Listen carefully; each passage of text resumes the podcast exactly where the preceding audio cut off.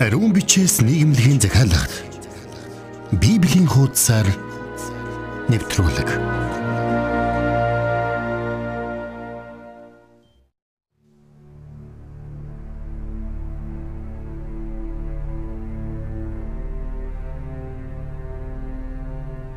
Ирхэм сонсогч танд энэ өдрийн мэд хүргэе. Библийн хуудасаар радио цаурал хичээлийн маань шинэхэн дугаар эхэлж байна. Бид Библийн хамгийн сонирхолтой түүхийн нэг хэсгийг хамтдаа үзэж байгаа. Энэ бол яах аргагүй Йов ном юм. Тэгэхээр энэхүү номын гол дүр болсон Йов өөрийн амьдралдаа гинт туулж баршгүй, давж гаршгүй тэр зовлон бэрхшээлийн дунд хэрхэн хандаж байгааг бид хамтдаа үзэж байна. Өнгөрсөн дугаарт бид зовлон бэрхшээл мөн уй гашуу өвчин шаналлынхаа дунд зовхотоо Йов өөрийгөө төрөөгүй байсан дээр гэж зүхэж байгааг бид хамтдаа үзсэн. Хүний амьдралд хүнд хэцүү зүйл тохиолдолгүй л яхав. Харин энэ үед бид ихэнхдээ л Бурханаас яагаад гэж асууж, яагаад энэ бүх зүйл надад тохиолдож байгаа юм бэ гэж гомдолдог. Харин эсэргээрээ энэ өдрүүдэд сурч байгаа Йов номоор дамжуулан нэг зүйлийг хамтдаа шийдцгээе. Энэ бол Бурханаас яагаад гэж асуухынхаа оронд энэхүү асуудал бэрхшээлийг яаж даван туулах вэ гэж Бурханаас асууцгаая. Тэгвэл эзэн бидэнд зовлон бэрхшээлийн маань цаана байгаа тэр утга учир зорилгыг бидэнд харуулж магад. Ийм л зүйл Йовд тохиолдож байна. Энэ бүхнийг харж түүнийг тайлхруулахаар ирсэн найзууд нь Йовын хийсэн бүхнийх нь хариу ирж байна. Одоо энэний хүлээж байгаа цаг нь болжээ гэж буруутгаж байна. Тэд жинхэнэ зүвт хүн үргэлж дивжин дээшилж харин нүгэлтнүүд үргэлж зовж тарчилдаг гэсэн ойлголттой байна. Тийм учраас ядуу болон зовлон бэрхшээл чинь чиний гим нүглээс үүдэж байна гэж ярьцгааж байна. Гэтэл энэ бүхний цаана бурхан бүхнийг захирдаг учраас бидний туулж байгаа зүйл бүрийн цаана түүний агуу зориг бий гэдгийг бид мэдэх учиртай. Тиймээс одоо үзэх хичээлээр дамжуулан бурхны үгийг ухаан ойлгож өөртөө ирсэн тэр зовлон зүдгүүр бүрийн төлөө бурхныг буруутгахгүй байх хэрэгтэй.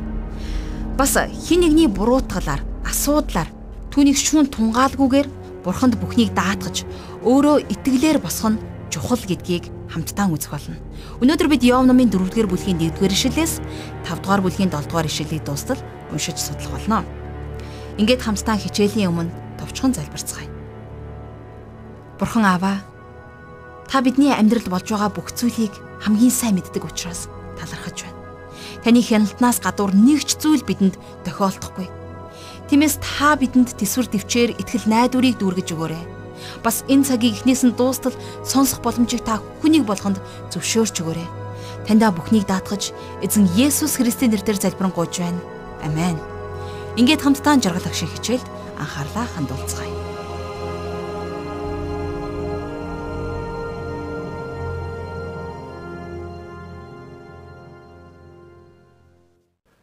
За тэгэхээр Йовын 3 найз нь тэрнтэй хамт 7 хоног сууж Йовыг ажиглаад Чиний толгой дээр чинь гин буруу чинь бууждэ гэсэн янзтай толгой тогтцохож байсан.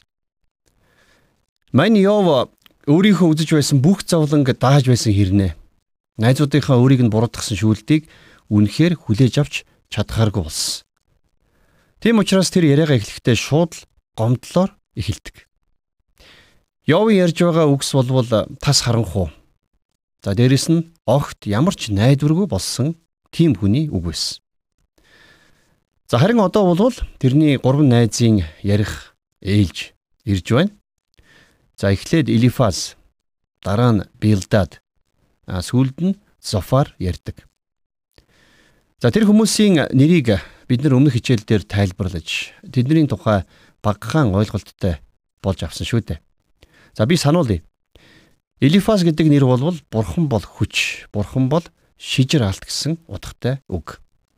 За Билдад гэдэг нь сөргөлдөөний хүү гэсэн утгатай.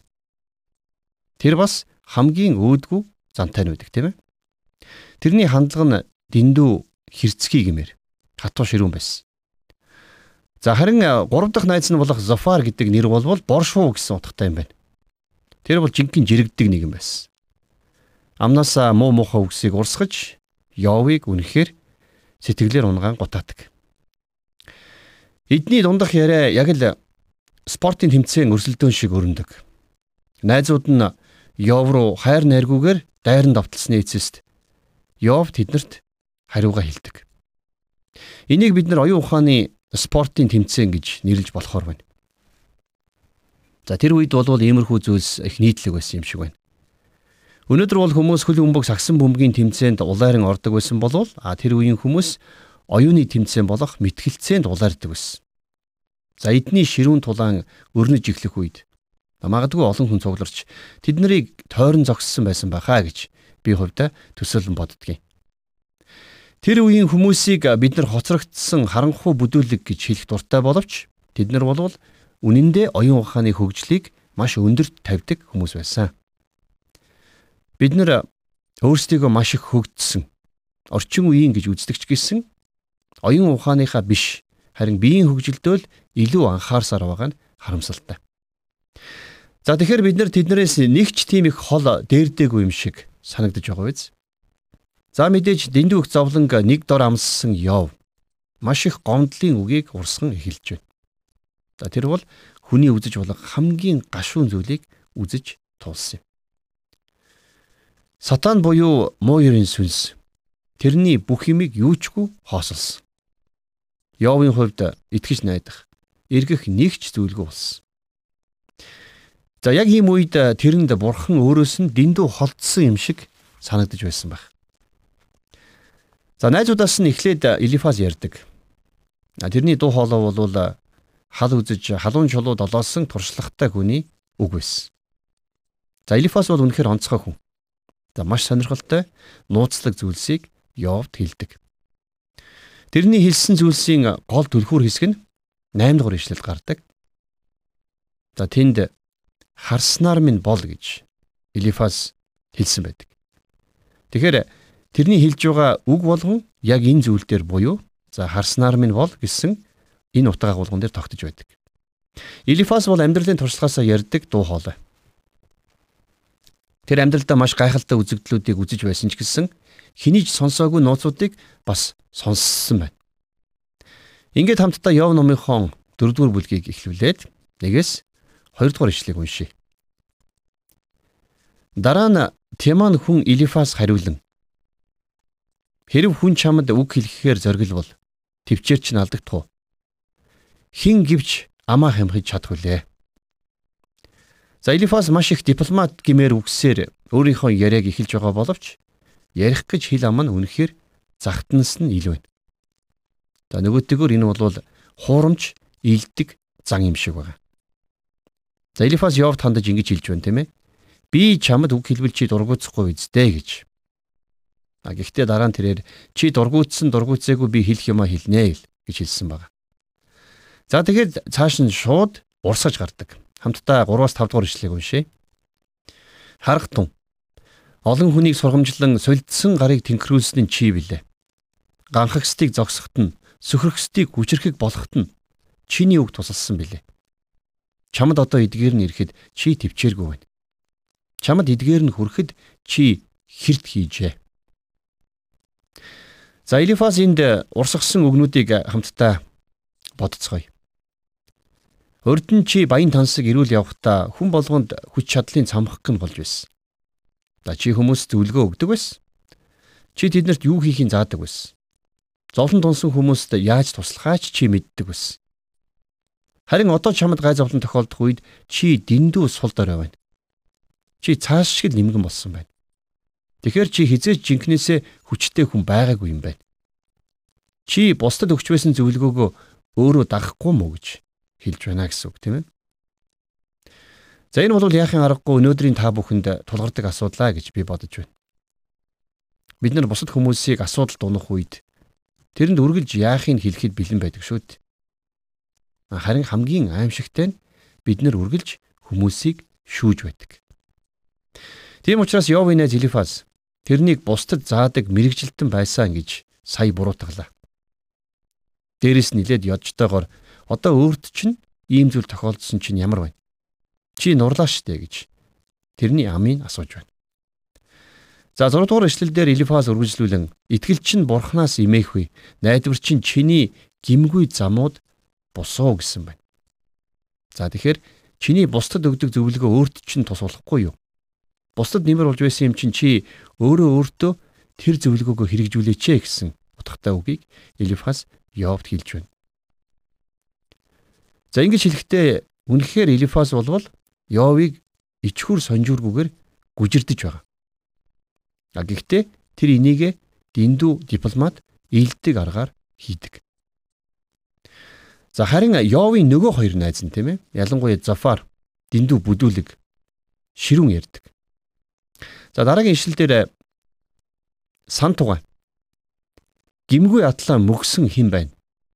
Зөв шудраг атлаа сүнсэн нь хаан байна.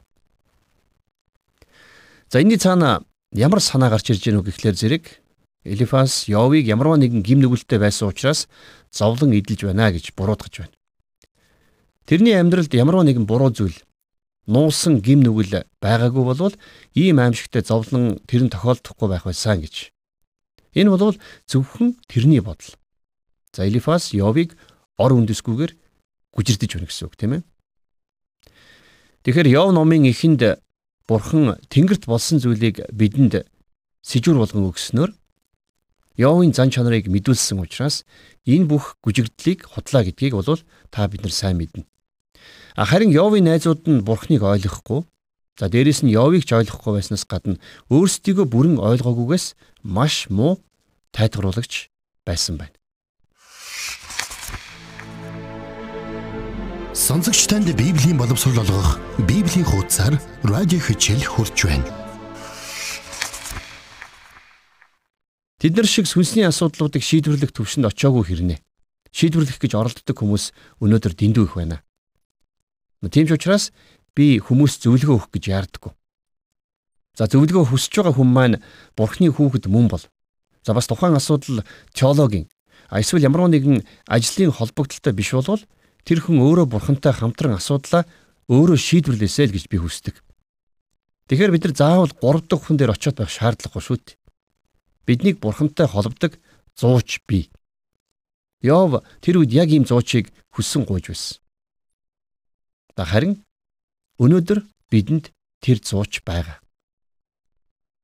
Хин гэж та бодож байна?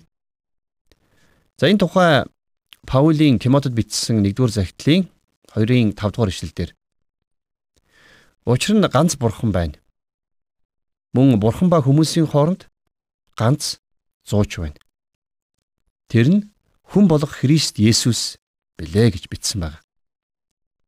Тийм учраас Христэд итгэгчид бид нар удирдахч эсвэл сэтгэл зүйчдэр очихоос өмнө түүн дээр ихэлж очиж байх хэрэгтэй. Харин та өвчин туссан бол бурхан дээрч эмчтэрч бас оч. Бурхан бидний биеийн болон сүнсний хэрэгцээнүүдэд хариу өгдгийг би өөрийнхөө амьдралын туршлагаас олж мэдсэн. Тэр үед бурхан Йовын дотор ажиллаж байгааг хараад үнэхээр гайхалтай байдаг. За Йовын энэ номноос бурхан Йовын дотор ажиллаж байгааг харахад үнэхээр гайхалтай байдаг. За 4-р бүлгийн 8 дугаар ишлэл. Харснаар минь бол ёсон бусыг газар мэт хагалж тариалагсад зовлон зүдүүрийг ургац мэт хурааж авдгаа гэж хэлэхдээ за Элифаз өөрийгөө өндөрт тавьж харин Йовыг их дорд үзэж байна.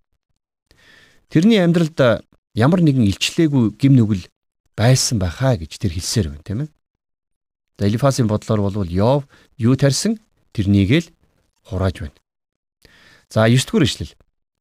Тэд бурхны амьсгалаар мөхөж тэд түүний уур хилэнгийн цохилтод идэгддэг юм. За дахиад л буруу юм ярьж эхэлж байна тийм ээ. Бурхан хүүхдүүдэд сахилгажуулдаг нь үнэн. А гэхдээ хизээч устгадаггүй. Яг л сайн аав шиг А тэгвэл Элифаз бидний ихэнхдээ их адилхан зөвлөгөө өгöd байгаа. Бид нэр маш сайхан үгээр бусдад юу хийхийг зааж өгдөг ч гэсэн буруу ярьж байх тохиолдол биднэрт зөндөө байх боломжтой. За цааш нь 10-аас 11 дэх эшлэлдэр Арслангийн архиран эрслэнгийнх нь дуу идэрчүүдийнх нь шүд бүгд хугарчээ. Идишгүй болсон арслан үхэж эрслэнгийнх нь зулцгнууд таран бутарчээ. За тэгэхээр альва муу юм хийсэн хүмүүс муу ургац хурааж шүдгүү залуу арслан а эсвэл идшээ барьж чадахгүй хөгшин арслан шиг болно гэж Элифас энд ярьсан байна. За тэрээр өөрийгөө үзэгдэл үдсэн учраас ийм зүйлийг харлаа гэж хэлдэг. Тэр үдсэн зүүдээ ярих үед дотор хүүт оргиж айц төрмөр санагдаж байна.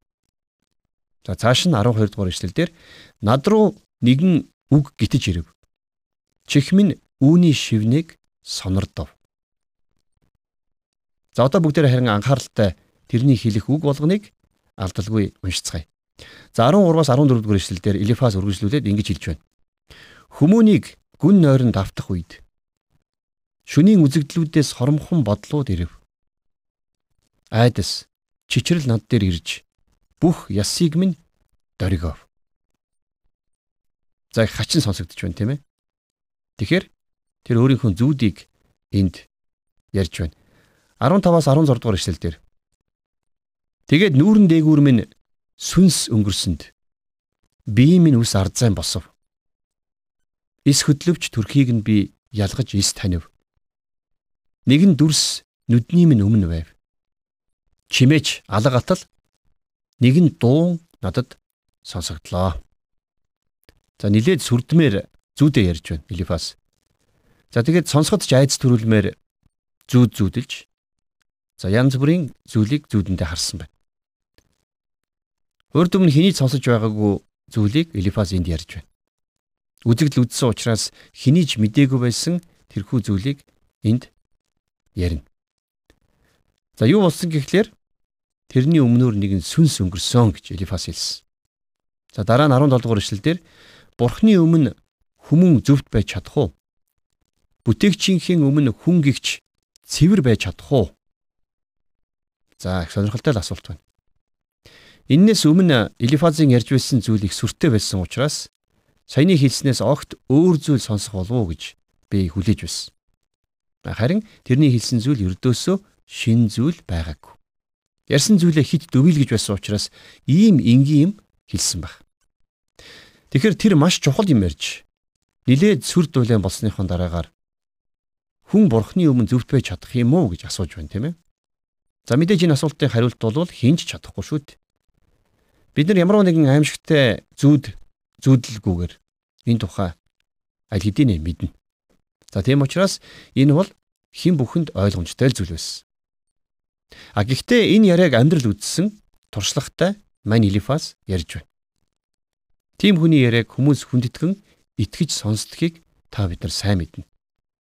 Харамсалтай туршлагатай хүмүүс ч гэсэн өөрсдөө ярьж байгаа зүйлсээ хэрэгжүүлдэг бас ярьж зөвдөж байгаа зүйлс дээр өөрсдөө ч гэсэн алддаг. За энэ ялангуяа ахмад хүмүүсийн хийх дуртай зүйл байдаг. Тийм учраас Элифазын ярьж байгаа үгс нь Йовд ямар ч тус нэмэр болж чадаагүй юм. За гэхдээ Элифаз бас тэрний бусад найзуудын ярьж байсан зүйл нь амьдралын чухал үннүүд мөн байсан уу гэвэл мөн байсан. Харин Йовд ямар ч хамаагүй зүйл байсан учраас энэ нь тэрэнд ямар ч тус нэмэр болоогүй юм. Үргэлжлүүлээд хамтдаа 4-р бүлгийнхээ 18-аас 19-р ишлэгийг уншъя. Зарц нартаа тэрээр итгэдэггүй. Тэнгэрлэгч нарийнхаа ч эсрэг тэрээр алдаа юуг нь тулгадаг атал шавар суудсанд амьдардаг суур үндсэн шороо тоосонд байдаг хэвэн ирвэхээ адил бяцлагддаг хүмүүст тэр яаж найдах юм. За. Бурхны тэнгэр элч нар хүртэл мунхаг зүйлсийг хийдэг. За тэр тусмаа шавар суудсанд суудаг хүмүүс бид нар тэднээс ч их мунхаглал үлдэх нь аргагүй гэж хэлж байна тийм ээ. За тэгэхээр хүний биеийг ингэж дүрслэх нь магад онсон дүрслэл байгаа юм. Бид нэр шавар савн дотор амьдардаг гэдгээ ойлгох хэрэгтэй. За энэ тухай Паул Коринтотынд бичсэн 2 дугаар захидлынхаа 5 дугаар бүлэг дээр бидний биеийг салхинд үлээгддэг сул дорой майхан адил гэж нэрлсэн байдаг. За үргэлжлүүлээд 20-с 21 дугаар ишлэгийг харах юм бол Өглөөнөөс үдшийн зууртал бяцлагддаг билээ тэд. Хүндэтгэлж шүгүүгээр мөнхөд мөхдөг билээ тэд. Майхнуудынх нь оосор тэдний дотор тасран унаж мэрэгэн ухаанаас ангид үхдэг юм тэд гэсэн байна. За тэд гэдгээрээ мэдээж хүмүүсийг хэлж байна тийм ээ. Тэгэхээр бидний бие махбод хичнээн хүчрэхэг сайн сайхан байсан ч гэсэн энэ хорвоо ертөнцид хэсэгхэн хугацаанд л амьдрна. За Элифас үнэхээр чухал үннүүдийг энд дурдан ярьж байгаа боловч Эдгээр нь үнэндээ болвол Йов тулгараад байсан асуудлуудад ямар ч хамаагүй байсан. Заримдаа бид нар бусдад ямар ч ашиг тус амийг өгөхгүй тийм үннүүдийг ярьцгаадаг. Бид нарт зүгээр л нэгэн үнэн биш. Харин бидний хэрэгцээнд хариу өгөх тийм үнэн хэрэгтэй. Мэдээж Йовын найзууд нь гайхамшигтай үннүүдийг ярина л да. Та бидэрт ч гэсэн бас тэдгээр үннүүд нь сонсоход илүүдэхгүй. А гэхдээ л Йовын хэрэгцээнд тэдгээр нь огт тохироогүй юм.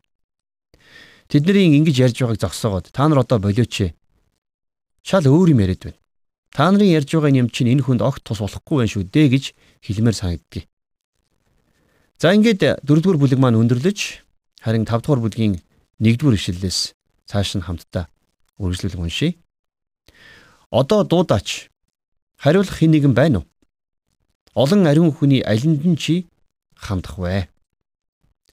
За энэ бол миний бодлоор их сайхан асуулт байна. Хинээс тусламж ирэх гээд байгаа юм бэ гэж асууж байна тийм ээ.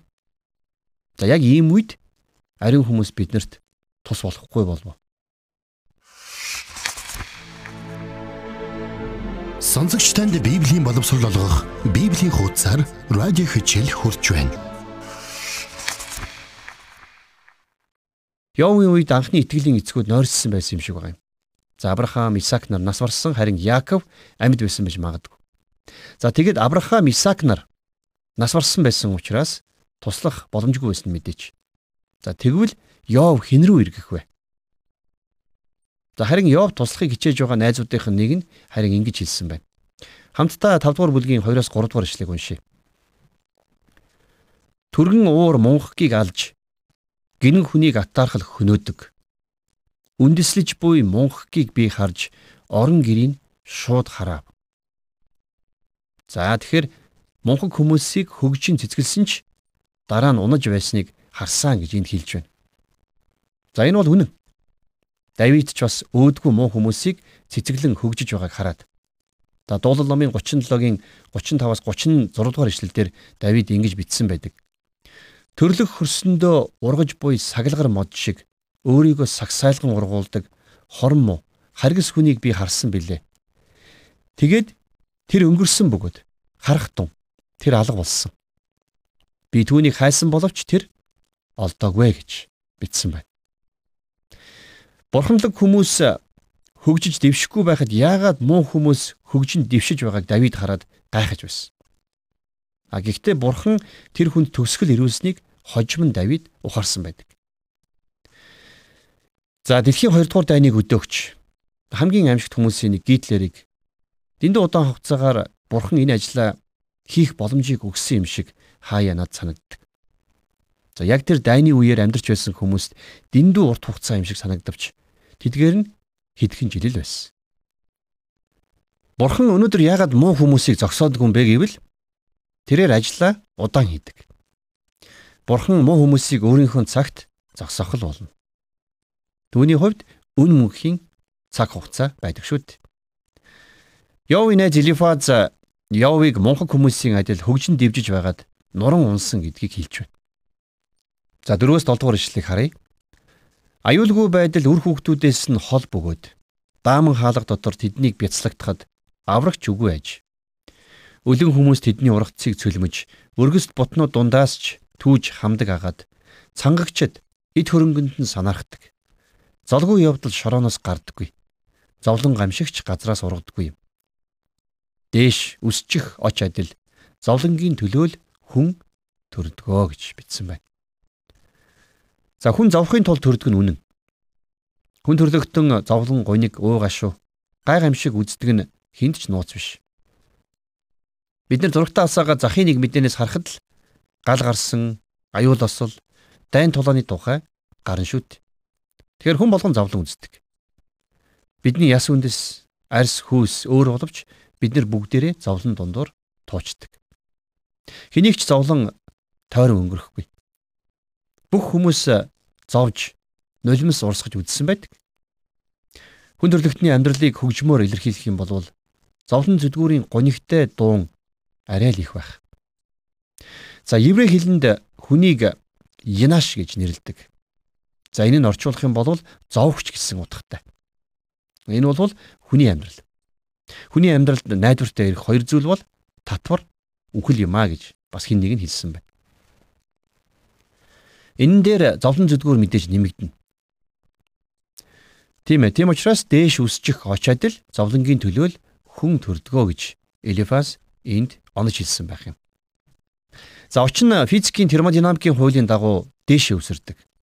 За энэ бол ямарваа нэгэн аз тохиолоор болдог зүйл огтхонч биш шүү дээ.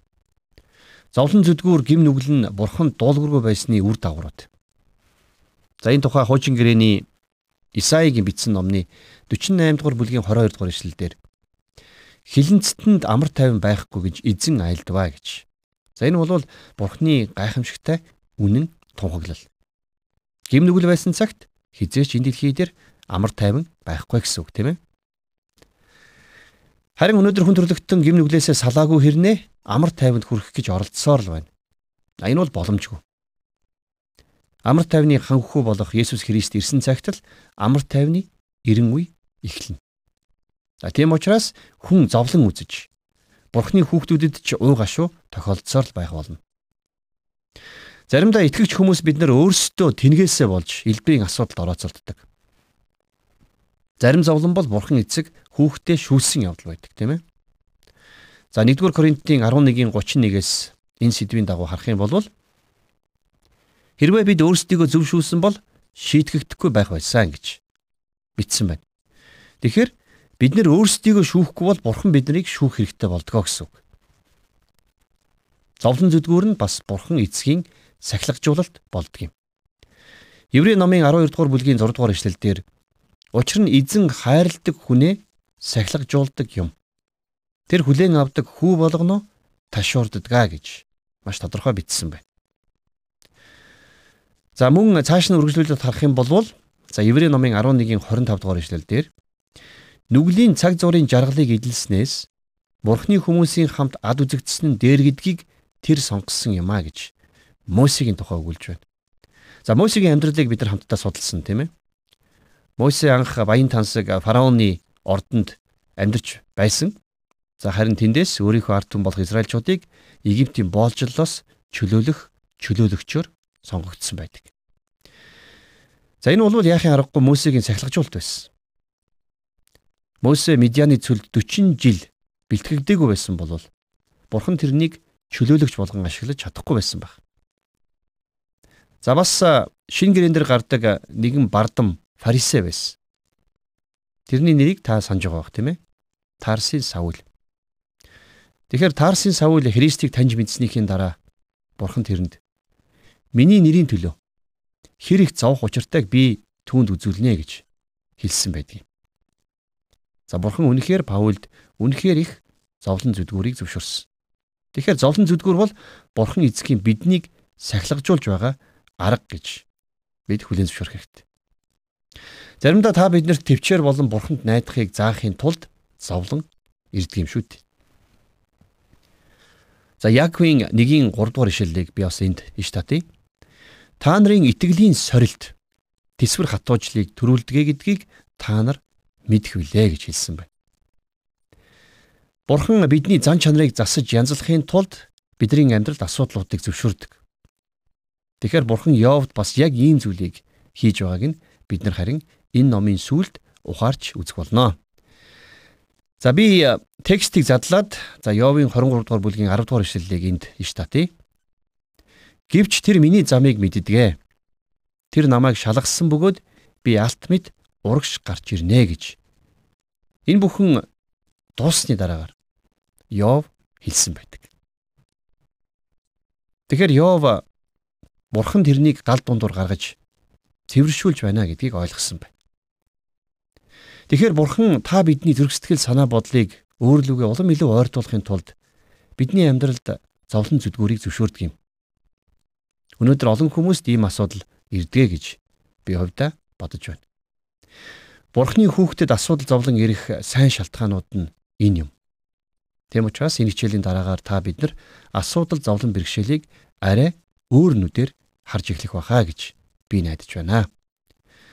За тийм л учраас Йовын найз Элифас дээш үсчих очоод л зовлонгийн төлөөл хүн төрдгөө гэж хэлэхдээ үнэн дээр яг үннийг л хэлсэн байх нь.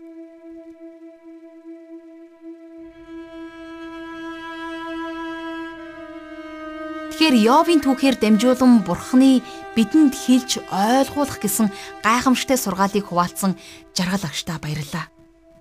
Йовд тохиолдож байсан энэ бүх зовлонгоор дамжуулан Бурхан түүнийг улам илүү өөртөөгөө ойртуулж зан чанарыг нь шижир алт мэт болгонд цэвэршүүлж байгаа нь үнэхээр сайхан. Бид ч гэсэн Бурханаар ашиглагдахын тулд түүний гараар цэвэршигдэх ёстой. Бурхан бидний зан чанар зүрхсэтгэлийг цэвэршиж, цэвэрлэж түүний төлөө үйлчлэлд бэлдэж өгч байна. Харин бид дэсвэртэй байж, төвчээртэй байж Бурханыг хүлээх нь хамгийн чухал. Ингэснээр хорвоо дэлхийн бүх хүмүүст сайн мэдээг хүргэх боломжтой болно гэсэн үг. Та яг одоо нь тохиолдсон зовлон бэрхшээлээ зүхэж, бурхан туслахгүй хаачсан болоо гэж занж зүхэж гомдолж байж магадгүй юм. Тэгвэл нэг зүйлийг амьдралдаа эргэлт болгож, нэг зүйлийг хамтдаа шийдвэр гаргацгаая. Юу вэ гэхээр өнөөдөр тань тохиолдсон зүрх сэтгэлийн, харилцааны, магадгүй санхүүгийн асуудал ч байна. Энэ бүх асуудал яагаад надад тохиолдож байгаа юм бэ? Энэ бүх асуудлыг бурхан яагаад надад өгж байгаа юм бэ гэж гомдлохынхоо оронд харин бурхан минь энэ бүх асуудлыг эзэн таны хүч чадал нэгүслэр бид яаж давн туулах вэ гэж хамтдаа залбирцгаая. Ингиж асууж сурцгаая. Ийм хандлагатай байцгаая гэж хөтлөгч миний зүгээс уриалж байна. Ягаад тэгэхээр энэ дэлхий дээр хин нэгнийг шудраг бусаар шийтгэх, гүжирдэх явдал маш их тохиолддог. Тийм ч учраас үнээс болж гин буруугүй олон хүмүүс зовж шаналж байна. Тэгэхээр нэг зүйлээр ойлголтоо зэгсэлцгээе. Энэ бол зөвхт хүн зөвхөн дивжин дээшилж, зөвхөн бузар муу хүмүүс унж дориотдаг биш. Зөвхт нэгэн ч гэсэн уруудан дориодох үе ч гэсэн байдаг. Тэгэхээр нэг зүйлээр би таныг тайвшруулахыг хүсэж байна. Бүх зүйлийн контролыг бүх зүйлийн удирдлагыг эзэн барьж байгаа. Хичээлийн төгсгөл Галаад номын 6 дугаар бүлгийн 7 дугаар ишлэлээр сонсогч таныг уриалъя. Энэ бол бүүм ихлэгд. Бурхан илэг доог болохгүй. Юу гэвэл хүн юу тарснаа л хурааж авна. Тиймээс бурхнаас ирэхтэр цахилгажуулалтын дагуу зөвхт дуулууртай амьдарч бурхнаар ашиглагдах нэгэн болохыг би танд хүсэн өрөөж байна. Энэ хүрээд өнөөдрийн хичээл маань өндөрлөж байна. Харин Бурхан Аавда зовлон бэрхшээлийнхаа төлөө талархаж арга замыг эрэлхийлэн залбирцгаая. Бурхан Ааваа та биднийг цэвэршүүлж шижир алт мэт болгодог учраас таньда талархаж байна. Бид таны гарыг олж харж төсвөртэй байхад та бидэнд туслаарай. Та бидний дотор хүснээрээ ажиллаж өөрийнхөө хайр нэгүслээрээ ивэж өрөөж өгөөрэй. Өнөөдөр тулгарч байгаа аливаа зовлон бэрхшээлийнхаа төлөө таньда талархан залбирч байна. Аваа хэдийгээр энхүү сахилгажуултууд энэ хүнд хэцүү бараан өдрүүд инээдтэй баяр хөөртэй биш боловч харин ч уу гашуутай хүнд хэцүү амаргүй боловч бурхан ааваа яагаад гэж асуухын оронд бид энэ цаг мөчид санаа нэгтэйгээр залбирч байна. Асуудлуудаа бид таны нэгүсэл, таны оршихуй, таны удирдамжийн дагуу яаж давн туулах вэ гэж бид танаас асууж би танаас гарах гарцыг эрэлхийлэн шалгааж байна. Би танаас зурж байгаа энэхүү итгэлийн дагуу та бидэнд сайныг үлдэх болтугай. Тань талархаж эзэн Есүс Христийн нэрээр залбирanгуйч байна. Амен.